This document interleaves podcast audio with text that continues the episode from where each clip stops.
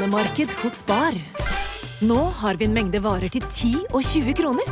Hele denne uka får du løbiff fra Folkets før 54,90, nå kun 20 kroner. I tillegg får du et utvalgt Vasa knekkebrød, før fra 1690, nå bare 10 kroner. Alltid tilbud på noe godt. Hilsen oss i Spar. En podkast fra Podplay.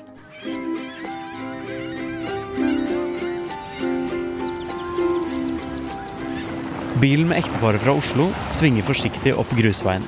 Og i enden kan hun se det koselige, røde sommerhuset rett utenfor Arboga i Sverige som de fant på finn.no. Det står på en åpen plass med flere tilhørende røde uthus, og det er kort vei til vannet. Stedet er noe av det mest idylliske hun har sett. Og akkurat denne dagen er det som om naturen har skrudd på sine beste triks. Med den strålende sola, de nydelige blomstene som brer seg utover, og småfuglene som kvitrer helt Disney-perfekt.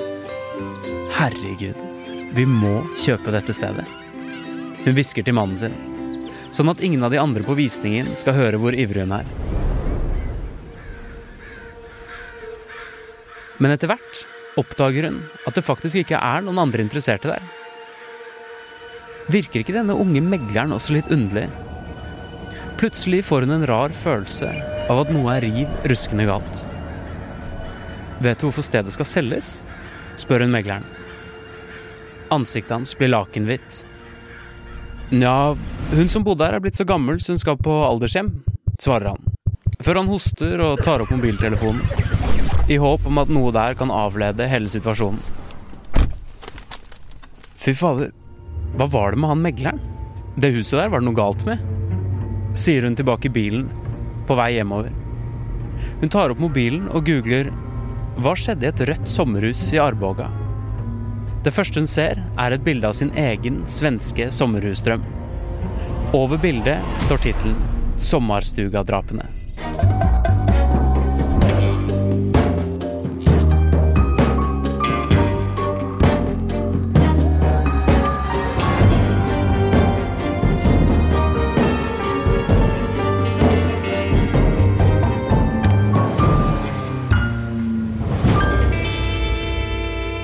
Velkommen til dagens episode av På innsiden av Psykohoder med meg, Jonas Hoff Oftebro, og deg, Susanne Nordby Johansen.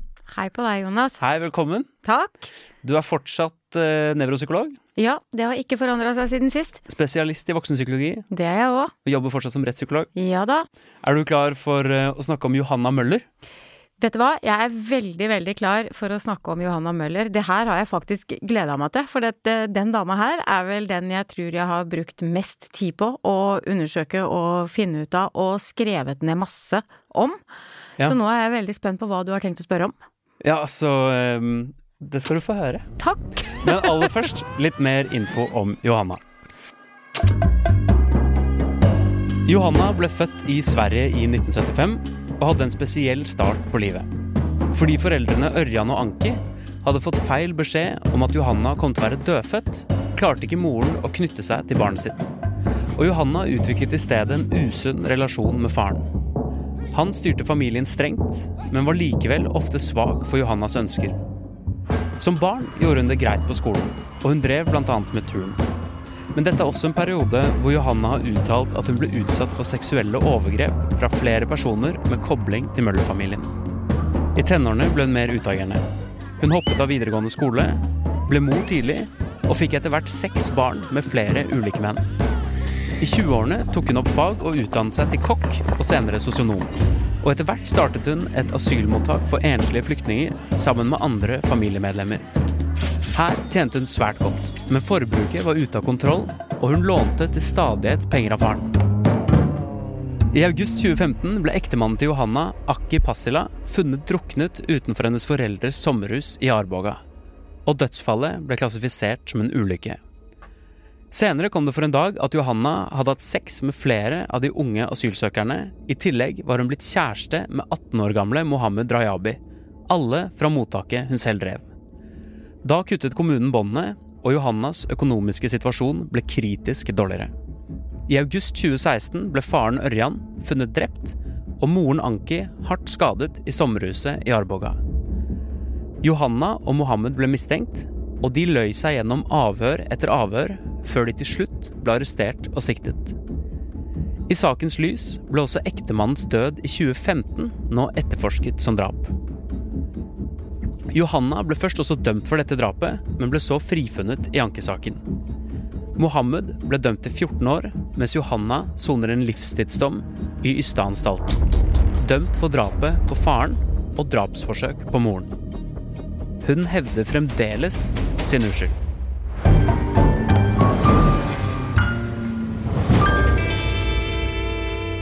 Hvem er Johanna Møller?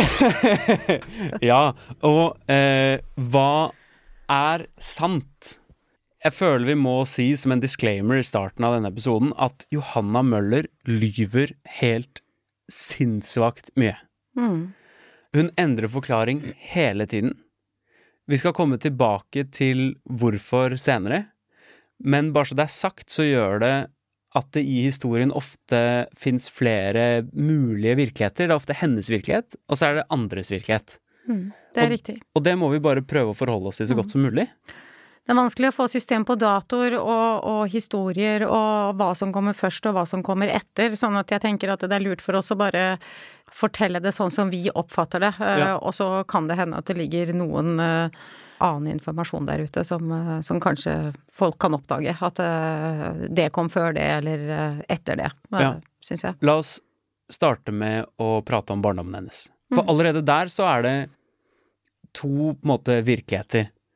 Foreldrene og søsteren og liksom resten av familien, de beskriver jo hennes barndom som ganske normal. Hun er jo over gjennomsnittet privilegert, egentlig. Mm. Kom- Kommer fra en fin familie med god økonomi, foreldre som fulgte opp skole og hadde det bra. Ja. Mm. Og eh, de beskriver Johanna som veldig vanlig fram til hun blir tenåring. Mm. Og så skjer det noe. Forandra seg veldig i tenåra, ja. Ja, hun ble utagerende. Mm. Hun begynte å skulke skolen, altså sånne ting. Ja, og det endte opp med at hun ikke fullførte videregående skole, blant annet, på Ja. grunn av den atferdsendringa. Ja. Men Johanna selv, hun hevder jo at eh, for det første så var moren og faren De klarte aldri å danne et liksom nært bånd til henne fordi hun ble erklært dødfødt mens hun lå i magen. Den De forventa seg et eh, dødt barn, og så var det faktisk et barn som levde. Og det kan jo gjøre noe med deg psykologisk, som, som mamma, da, hvis du har forberedt deg på at eh, nå er det et barn jeg ikke skal ta imot, og så, så, så har du jo ikke noe å knytte bånd til. Eh, Jeg syns det virker som en veldig rar historie, da. At ikke du kjenner at det er liv i magen og, og sånn. Men, Ja. men det er klart at psykologisk så kan vi jo da forklare, eller altså i hvert fall Johannas beskrivelse av at hun manglet den, det emosjonelle båndet. eh, At mammaen ikke klarte å gi henne det emosjonelle båndet, da, fordi at det, det var et eller annet med det svangerskapet som hun ikke hadde klart å få til, da. Her er noe jeg syns er litt rart med den historien, da. Ok, kanskje så klarer ikke moren å danne det båndet, men samtidig, hun kunne jo også ha sett på det som liksom en, en gudegave når det barnet tross alt var levende, Mm. Ja, og jeg, jeg får jo oppfatning av at den historien her er jo veldig todelt. Eh, altså at eh, de faktisk har vært veldig oppofrende til eh, Johanna, og de har støtta henne og gjort alt de har kunnet for henne, men hun har hatt en følelse av at hun ikke har blitt sett og hørt. Ja. Så jeg lurer litt på om det er mer Johannas eh, opplevelse av barndommen og oppveksten sin, Ja. som hun gir uttrykk for.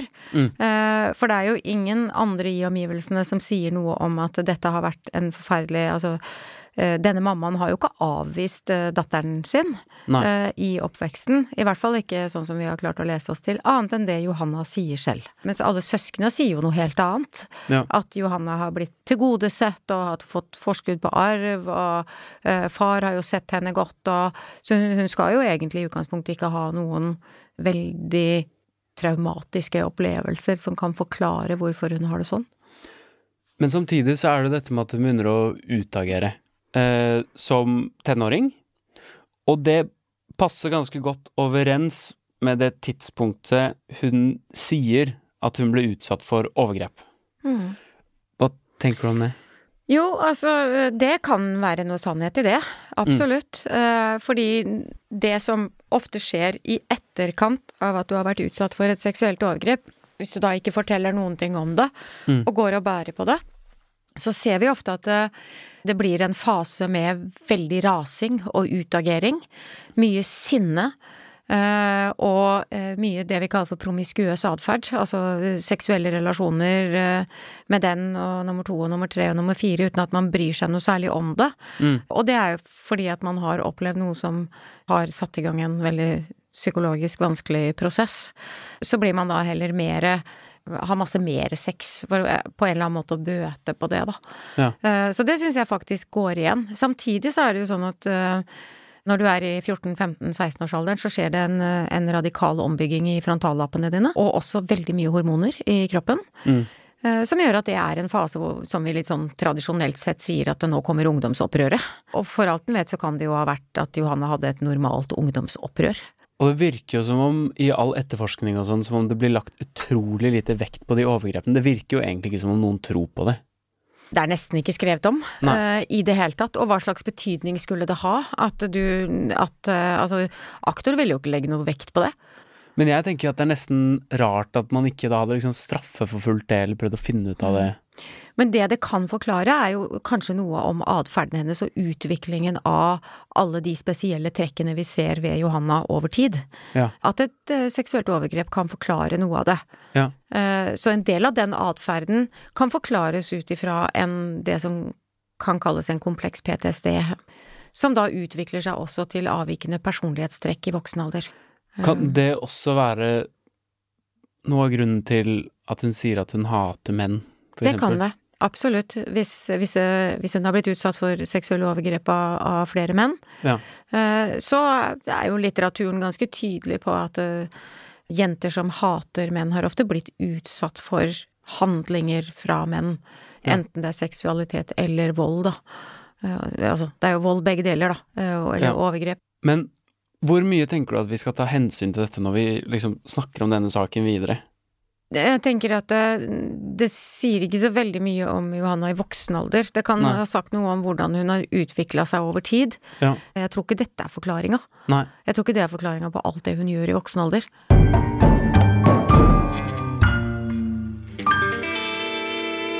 Dette er jo den tredje kvinnelige seriemorderen vi snakker om, Mm. som også dreper for penger. Ja, Det virker for meg som om Johanna Møller har et økonomisk eh, insentiv da, for å gjøre det hun gjør. mm. Hva er det med kvinner som skiller seg fra menn i hvorfor man dreper? Altså, det er veldig lite tortur av dyr, Mm. det er veldig lite brannstifting. De har jo ingen av de veldig typiske antisosiale eh, trekka som vi beskriver på, på mannfolka. Nei. Men de har ofte det manipulerende og det kontrollerende og det litt sånn type empatiløse, da. Ja. Helt fra ungdomstida si og, og Det er mer oppover. ice cold business Ja. på en eller annen måte. Mm. Hva tror vi da om, eh, om Johanna Møller? Altså, er hun iskald? Er det bare for pengene, liksom? Jeg tror det er noe mer med henne enn akkurat bare, bare å, øh, for penger. Ja. Hun er jo beskrevet som veldig kald øh, og veldig følelsesløs og, og uten empati. Mm. Samtidig så er det jo noe ved henne som, som jeg, jeg klarer ikke helt å se henne helt uten empati. Nei. For det har, det har skjedd et eller annet på et eller annet tidspunkt som har forandret henne. Ja. Og hun er ikke beskrevet på den måten i oppveksten sin. Og hun har tatt en sosionomutdannelse.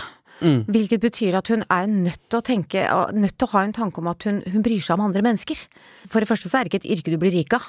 Hvis det bare er penger hun var ute etter, Ja. så er sosionom er absolutt ikke høyest betalt her i verden, verken i Sverige eller noe annet sted. Så på et eller annet tidspunkt i hennes voksne alder så har det skjedd en eller annen endring. Ja. Og da, da snakker vi om en eh, et, mest sannsynlig etablering av en personlighetsforstyrrelse, sånn litt sånn i klassisk forstand. Hva er det som kan utløse en personlighetsforstyrrelse i voksen alder? Ja, det er jo ofte traumer. Det er jo noe som, eh, som gjør at du endrer din oppfatning eh, radikalt. Ja. Samtidig så er det jo en del trekk ved de forskjellige personlighetsforstyrrelsene som vi har snakka om, psykopatiske trekk og narsissistiske trekk og sånn. Ja. Per dags dato så er diagnosesystemet sånn at eh, En personlighetsforstyrrelse er en forstyrrelse av en allerede velutviklet og normal personlighet, og så skjer det noe i livet ditt som gjør at den skjevutvikles. Mm. Det har vi gått litt vekk fra. Det er jo derfor vi sitter her og prater om at det, er, det, det må være noe mer i barndommen her som kan uh, legge grobunn for det. Og det kan det jo absolutt ha gjort. Men jeg tror penger har drevet uh, Johanna over, og at hun har kanskje vært i økonomisk uføre. For sånn som hun holdt på med den forsikringsgreia til mannen sin, Ja. Så virker det som det er da det starta et eller annet sånt jag etter, etter penger.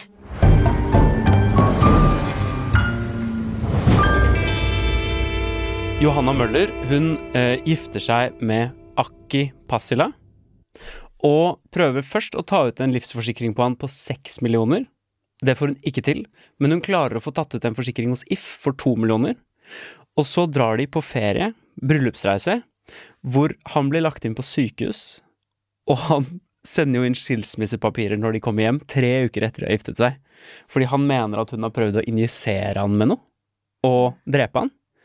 Han begynner å få seg en annen kjæreste, men så drar de sammen ut på sommerstugan i Arboga, og så plutselig så dukker han opp død.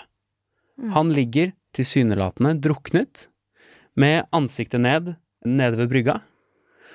Men Johanna hevder at hun har vært inne sammen med barna, hun har gått og lagt seg, og hun mener også at han har hatt et rusproblem som ingen andre ser ut til å vite noe om. Og nå begynner løgnene til Johanna. Ja, ikke sant? Mhm. To dager etterpå så prøver hun å innløse denne livsforsikringen, men får det ikke til. Nei. Forsikringsselskapet tar, tar jo rotta på henne til slutt, hadde jeg nær sagt, for de Yes. finner jo ut at her er det noe galt. Ja. For de finner jo også ut at det er Johanna som har etablert den livsforsikringen, det er jo ikke han som har gjort det selv. Nei. Nei. Sier de. Sier forsikringsselskapet. Ja, Ja. men hun hevder jo, fram til det blir motbevist og fortsatt helt sikkert, at det er det han som har gjort. Det er det han som har gjort, ja. Jeg tror jo for så vidt litt på forsikringsselskapet her. Det tror jeg ikke helt på Johanna Hun Møller. sier jo at han gjorde det sammen med meg, men med min bank-ID, mens han befant seg et annet sted. Altså det er helt sånn, det, gir, det går ikke. Men tror du hun giftet seg med han for å drepe han og få penger? Nei, men det her jeg blir usikker, fordi hun sier På den ene siden så sier hun sånn eh, Jeg elsket han, men jeg var redd for han, han var mannen til barna mine. Og så på den andre siden så sier hun sånn Jeg hater menn, det var bare en fasade. Ja. Sa hun ikke også at hun var blitt utsatt for vold fra han? Jo, i hvert fall trusler om vold. Ja. Ja. Kan det være vendepunktet på den personlighetsmessige utviklingen som vi ser? At hun faktisk har blitt utsatt for vold av denne mannen? Det kan det. Det kan det absolutt. Det kan det. Og Men- at hun gjør da irrasjonelle ting. Men altså, irrasjonelt og irrasjonelt. Eh, hvis hun da hadde planlagt å drepe han Mm. med å injisere han med et eller annet, Mm. så er det jo overlagt drap. Da har hun jo gått og tenkt på dette lenge. Ja. At hun ville ta livet av han. Ja. Hvis hun da var utsatt for seksuelle overgrep i barndommen, Mm. og på ny blir utsatt for vold eventuelt, så vekker jo det opp igjen det hun eventuelt har lagt bak seg. Ja. Ja. Så når jeg sier at det, det skjer en eller annen forandring med henne, så kommer en del av den atferden tilbake igjen som du så hun hadde i ungdomsåra, som hun roa ned, som hun klarte å regulere inn. Ja. Og så kommer hun da inn i dette forholdet med Akki, Mm. som ikke er snill, kanskje, som drikker, hvis, hvis vi skal stole på det hun sier, da ja, det det, da. og Ja. behandler henne sånn, Ja. så kan det faktisk forklare at det er vippepunktet hennes. At hun da ønsker å kvitte seg med han. Ja. Og derifra så begynner snøballen å rulle noe voldsomt. Og så mister hun kontrollen, tror jeg. Men du er enig, det kan også være et økonomisk Ja, men det er et økonomisk insentiv. Ja, men, de, går, men de går hånd i hånd. Men de går hånd i hånd, de går sammen. Ja. Ja. Men du tror ikke det økonomiske er nok alene? Altså fordi, Grunnen til at jeg spør, er bare fordi det er jo nok en gang litt sånn med henne, da, at eh, fordi det høres veldig logisk ut, det du sier. Mm.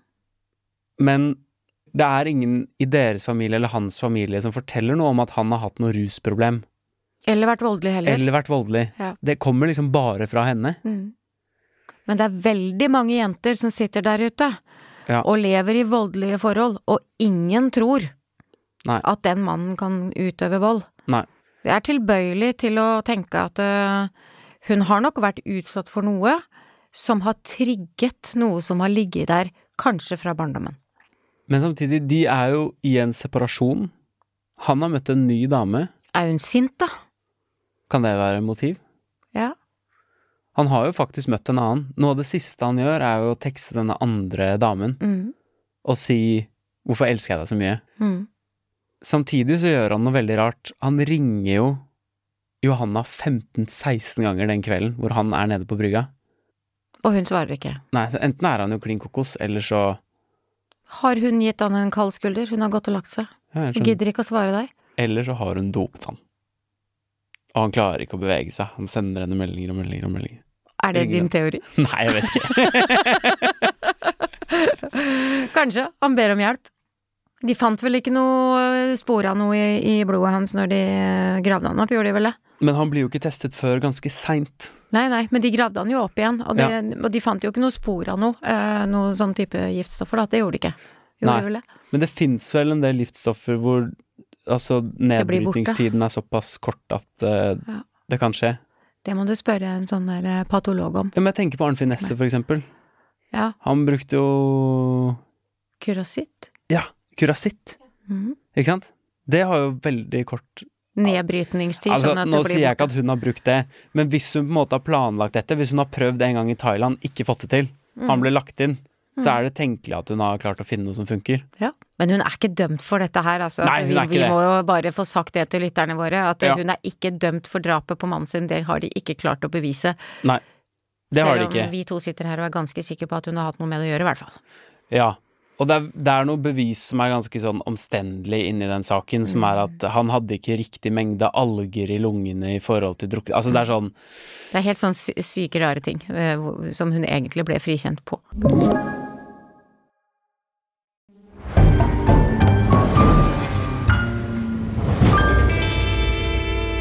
Men jeg kan altså si det helt ærlig på, allerede på dette tidspunktet i denne podden at jeg syns det er litt vanskelig med Johanna Møller, fordi jeg hadde forhåndsstemt henne utrolig tidlig i denne saken. Mhm. Og jo fordi det er ganske vanskelig å, å vite hva som er rett og galt, fordi det er så mye løgn, så, så havner jeg ofte ned på den siden av gjerdet hvor jeg ikke stoler på henne. Mm. Og det kommer nok mye av hvordan den saken liksom er lagt fram. Mm. Og at hun jo lyver hele tiden. Og det kan man jo si at hun gjør, for hun endrer forklaring så mye. Hun forholder seg til sannheten uh, slik den er uh, for henne akkurat der og da. Ja. Og da blir det forskjellige historier ut av det. Ja. Mm. Ok, men vi, vi flytter oss videre fra uh, det som skjedde med Aki. Mm. Fordi etter det så oppretter hun et asylmottak. Det asylmottaket går ganske bra. Det er midt i den perioden hvor det kommer masse flyktninger fra Syria til Sverige. Hun tjener ganske godt på det, men samtidig så begynner det å skje ikke så bra ting i livet hennes. Fordi hun tar denne ene flyktningen Mohammed inn i hjemmet sitt, og da slutter faren Gjøran å gi henne penger. Og selv om hun tjener bra, så tjener hun ikke godt nok til å på en måte fortsette med den livsstilen hun har vent seg til. Opprettholde den uh, luksuriøse livsstilen som hun kunne ha, eller hadde. Mm. Og så skjer det verst tenkelige for henne, som er at det kommer ut en eh, altså en sexfilm. Mm. Hvor det viser seg at hun har hatt sex med to veldig unge flyktninggutter som har bodd hos henne tidligere. Mm. Og staten kutter jo alle penger og midler. Eh, men dette er krise på mange måter, da, tenker jeg for Mm. henne. For det første er det økonomisk krise, men det er også sosial krise. Og samtidig som det skjer, så hadde jo faren ikke bare kutta ut å gi henne penger, men han hadde kasta henne ut av den leiligheten som hun bodde i sammen med eh, Mohammed og den andre sønnen sin, Ja. fordi han ville selge leiligheten, Ja. og han ville ikke at hun skulle bo der. Nei. For det var egentlig en leilighet som faren hadde kjøpt, hvor hun eide 5 av. Ja. Så hun var jo i en konflikt med faren sin også. Yes. eh, når dette her skjer. Så det er jo flere ting som handler om økonomi, og som handler om hennes økonomiske trygghet og sikkerhet. Og jeg tenker at hun blir fryktelig redd, for hun er i ferd med å miste alt av fasade. Ja. Mm. Ok, la oss gå inn på litt uh, ting spesifikt her. Den Man kan vel nesten ikke kalle det et overgrep, for jeg husker ikke hvor gamle de guttene er, men de er så unge at det er på grensen. Det er noen som hevder de var 15. Jeg tror de var 16, 15-16 år. Ja, Ja. de, var de var veldig unge. Ikke sant? Ja. Og de hevder jo at det ikke har vært frivillig. Men fordi man ikke kan bevise at det er tvang, så blir hun jo ikke dømt for det.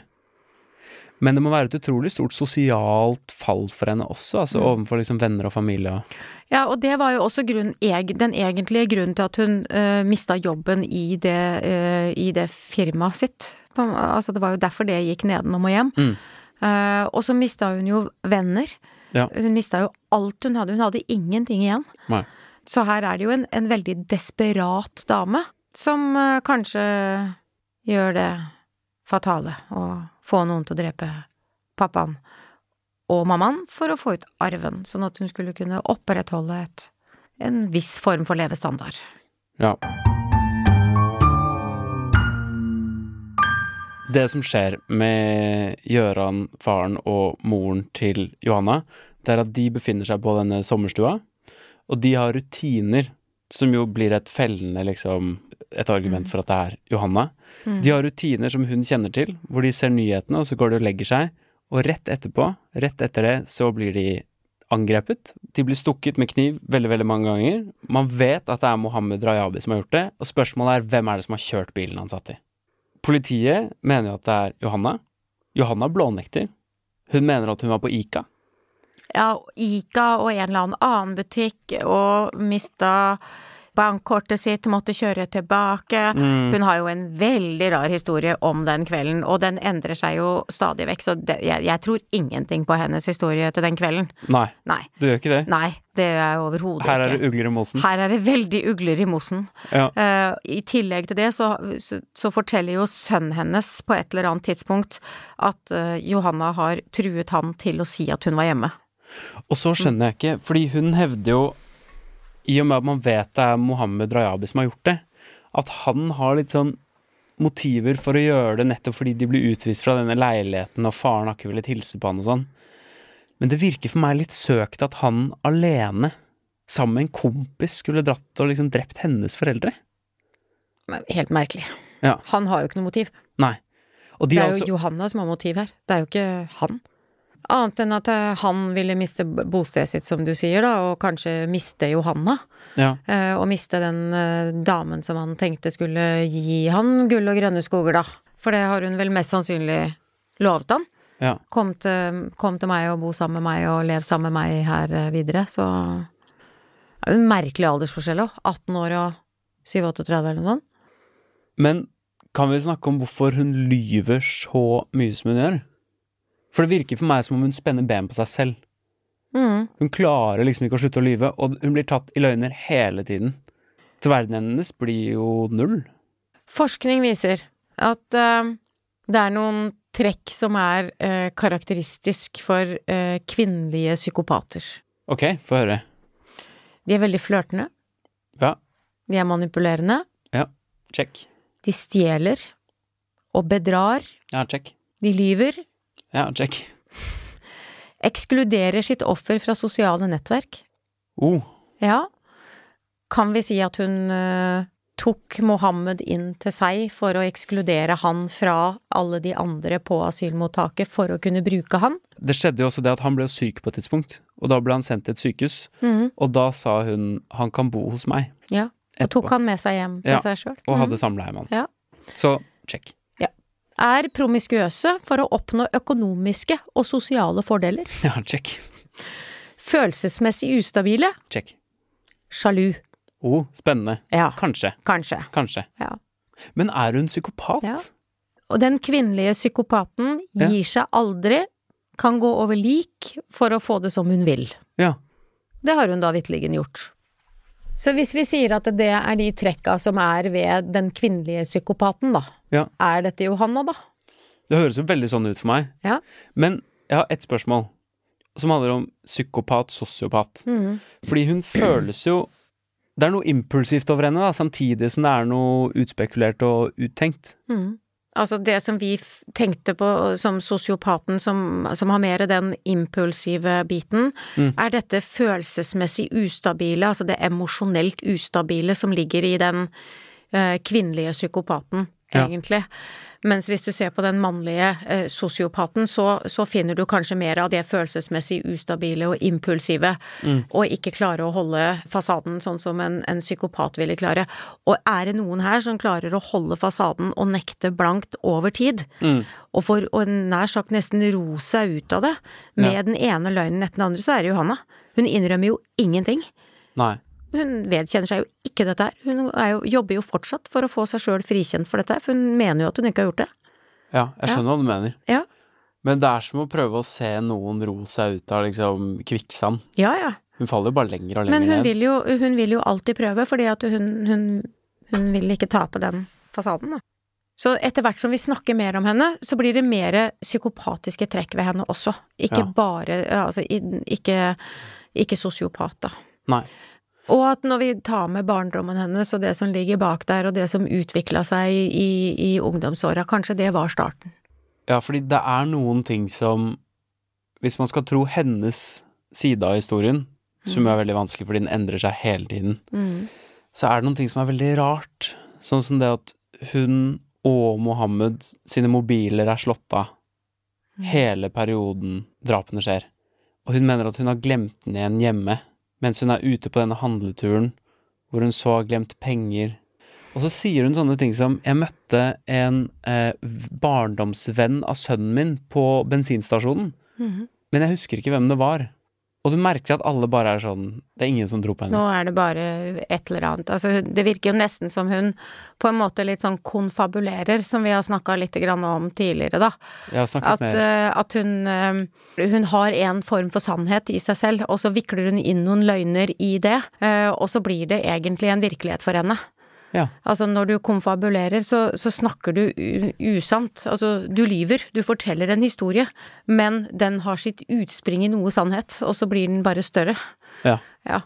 Og, og det blir jo bare større og større ettersom hun prater, for hun vikler seg jo bare lenger og lenger inn i det, når hun da også blir stilt spørsmål ved ting.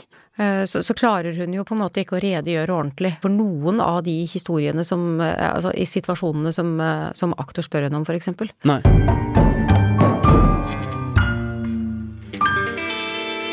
Nå skal jeg prøve å være litt redelig mot Johanna også. Ja, gjør det. Fordi hun er jo tross alt eh, dømt på bakgrunn av eh, uttalelsen til Mohammed Rajabi. Mhm. Men han også endrer jo vitneforklaring hele tiden.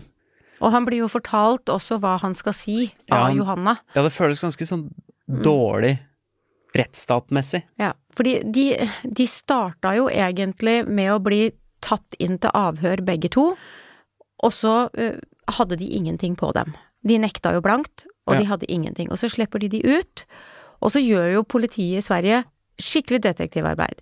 De avlytter telefonen og bilen. Ja. Og det- blir jo en sånn derre klappjakt nesten, hvor uh, de skjønner at Johanna egentlig er på vei til Thailand, og hun sender Mohammed mot Norge. Hun skal da feriere litt i Thailand, og så skal hun møte han i Trondheim. Ja. Og, og alt dette her hører jo politiet at de snakker om, for de avlytter og følger bilen. Mm. Og i den fasen hvor de sitter i bilen, så sier Johanna en del ting til Mohammed som han skal si, Mm. som også avslører henne, hvor hun faktisk sier at dette har vi gjort. Ja. Så vi kan ikke si sånn og sånn. Nei. Men det hun driver med Ja. i den fasen der, det syns jeg er fascinerende. For det hun driver med da, det er jo faktisk å kvitte seg med Mohammed. Hvordan da? Hun sender han til Norge. Tror du hun hadde noe tanke om at hun skulle dra fra Thailand og møte han igjen i Trondheim? Ja, sånn ja. Ferdig med han, liksom. Ferdig med han òg, hun er ferdig med Aki. Han har gjort det han skulle? Han har gjort det han skulle for meg, og hun måtte jo få han til Trondheim og inn i Norge. Han er jo tross alt flyktning. Blir kjempetrøbbel for han. Og han ble jo for så vidt også stoppa på norske grensa, da. Ja. Det var planen hennes, men så slo det feil, for hun kom seg jo ikke til Thailand. Så hun måtte jo dra etter til Norge. Hun hadde en kalkulert og utspekulert plan Ja. om å bli kvitt han. Men nå skal jeg komme med min konspirasjonsteori i denne saken. Gjør det. Fordi det er litt interessant at i de første intervjuene til Mohammed så hevder han at han hadde med seg en annen kompis, som han kaller for Ali, men som de finner ut at den han mest sannsynlig pratet om, det var en annen venn av seg. Hans mobil er også skrudd av under I samme tidsrommet. Han har snakket med Mohammed 30 ganger den dagen, og 12 ganger dagen før. Og han får de aldri pratet med fordi han også er flyktning og ender opp med å bli utvist til Iran. Og det blir jo også sagt at det er to biler som blir sett kjørende inn. Så det kan jo hende at Johanna har fulgt etter i en annen bil, eller Det er bare spekulasjoner, Jonas. Bare spekulasjoner! Men hele saken er jo bare spekulasjoner! Men det, jeg syns jo selv om det er mange ting som er spekulasjoner her, da, og, Ja. og at man eh, på en måte ikke kan Altså ingen andre enn han Mohammed kan man egentlig eh, plassere på drapsstedet. Ja. Så syns jeg jo denne, denne damen er det mest interessante her. Mohammed eller, og vennen hans eller eh, disse to gutta som hun har forgrepet seg på. Det er jo helt forferdelig Mm. at hun også holder på på den måten. Men det er, det er jo hun som er den interessante personen her Ja. Og, og hvordan hun kan holde på. Men det er et kort tidsrom. Mm. Det er, det, det er veldig interessant. Altså, hvis vi tenker på veldig mange av disse andre som vi har snakka om, så har de holdt på i lang tid. Det har gått tid. Men dette her har jo skjedd over en veldig kort periode. ja. Det må ha vært en trigger der Det inne et må eller annet sted. være et eller annet som har trigget henne voldsomt, og da er jo det ene teorien min er jo da at eh, hun har jo blitt trigget av volden til Akki, som hun sier. Ellers er det noen andre ting. Altså, ellers så har hun debutert med en eller annen form for psykisk sykdom. Ja. De har aldri tatt opp bilde av hodet hennes. Det skulle jeg veldig gjerne ha sett. Det bildet av det hodet. Hva tror du du ville sett da på det bildet av hodet hennes? Nei, altså hvis, hvis man tenker på den løgnaktigheten hennes, da. Ja. Dette med konfabulering er jo et symptom ofte På, på blant annet eh, demensutvikling. på demensutvikling? Ja, Er hun ikke veldig ung? jo, men du kan absolutt få demens i ung alder. Det er mye mer skjult enn det du tror. Men det er ganske spennende, for da kommer vi jo til å finne ut av det. Ja, hvis de tar bilde av huet hennes. Ja, Eller bare vente tre år. Eller vente i tre år og se om hun klarer å få den rettssaken til å komme opp igjen og, og, og, og blåse på det enda mer, holdt jeg på å si. Ja.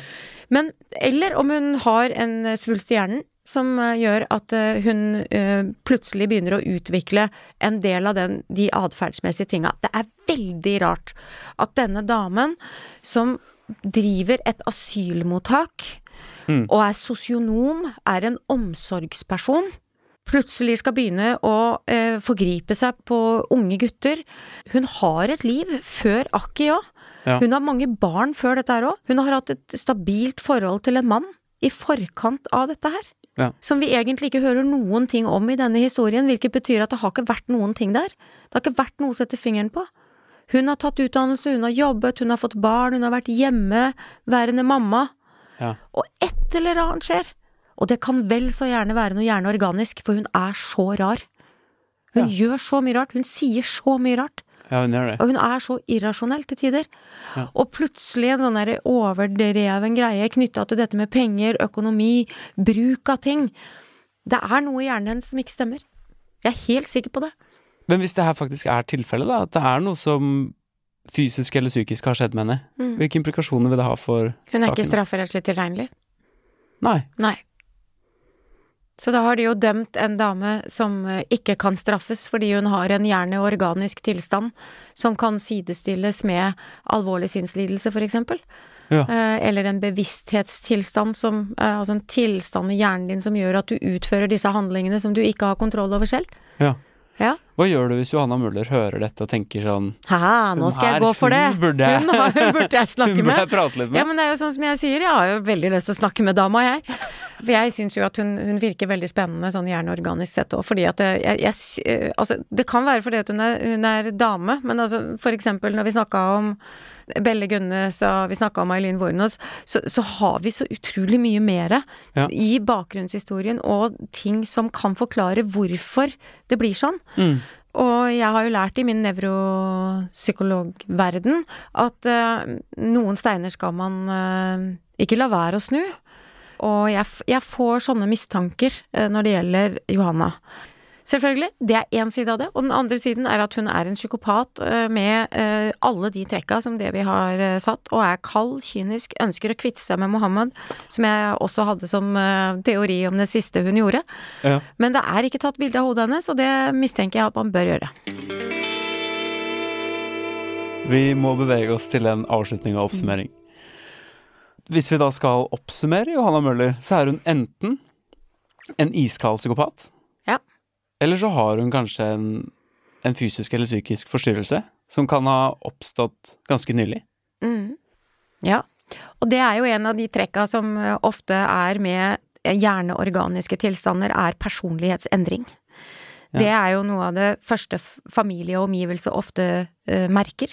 Det er at de endrer personlighetskarakteristika. Ok, hva kan du kjenne deg igjen i da, hos Johanna Møller? Hun har jo veldig mange år vært en veldig fin mamma, da, til disse barna, Ja. før dette skjedde. Ja. Så det vil jeg jo kanskje ønske å kjenne meg igjen i. Hvordan ville vi kjent igjen eh, Johanna Møller hvis hun var eh, en av foreldrene på FAU-møtet på skolen?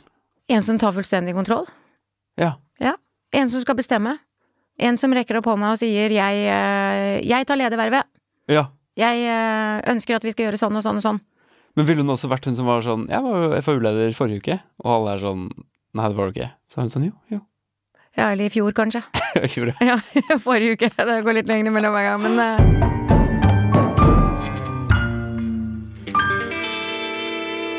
Jeg syns dette har vært en eh, gøy episode, men jeg må innrømme jeg er litt sånn forvirra oppi hodet. Eh, fordi jeg syns den saken her er litt sånn uhåndgripelig. Fordi det er så mye løgn. ja, fordi det er så vanskelig å vite hva man skal tro. Ja, og kanskje er den ikke helt ferdig heller.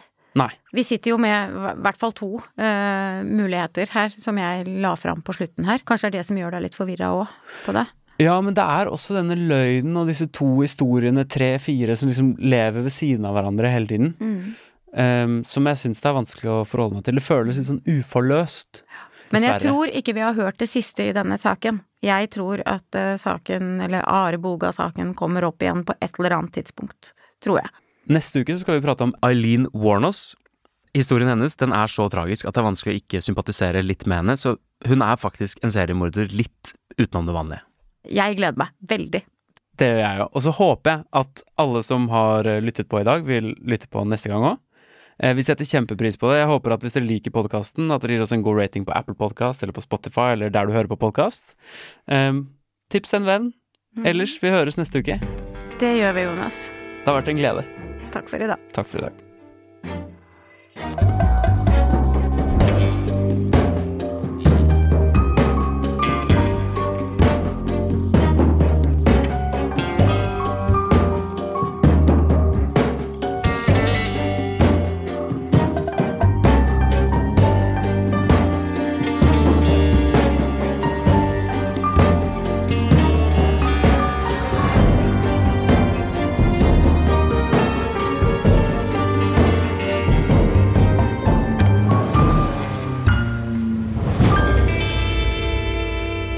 Du har hørt en podkast fra Podplay. En enklere måte å høre podkast på. Last ned appen Podplay, eller se podplay.no.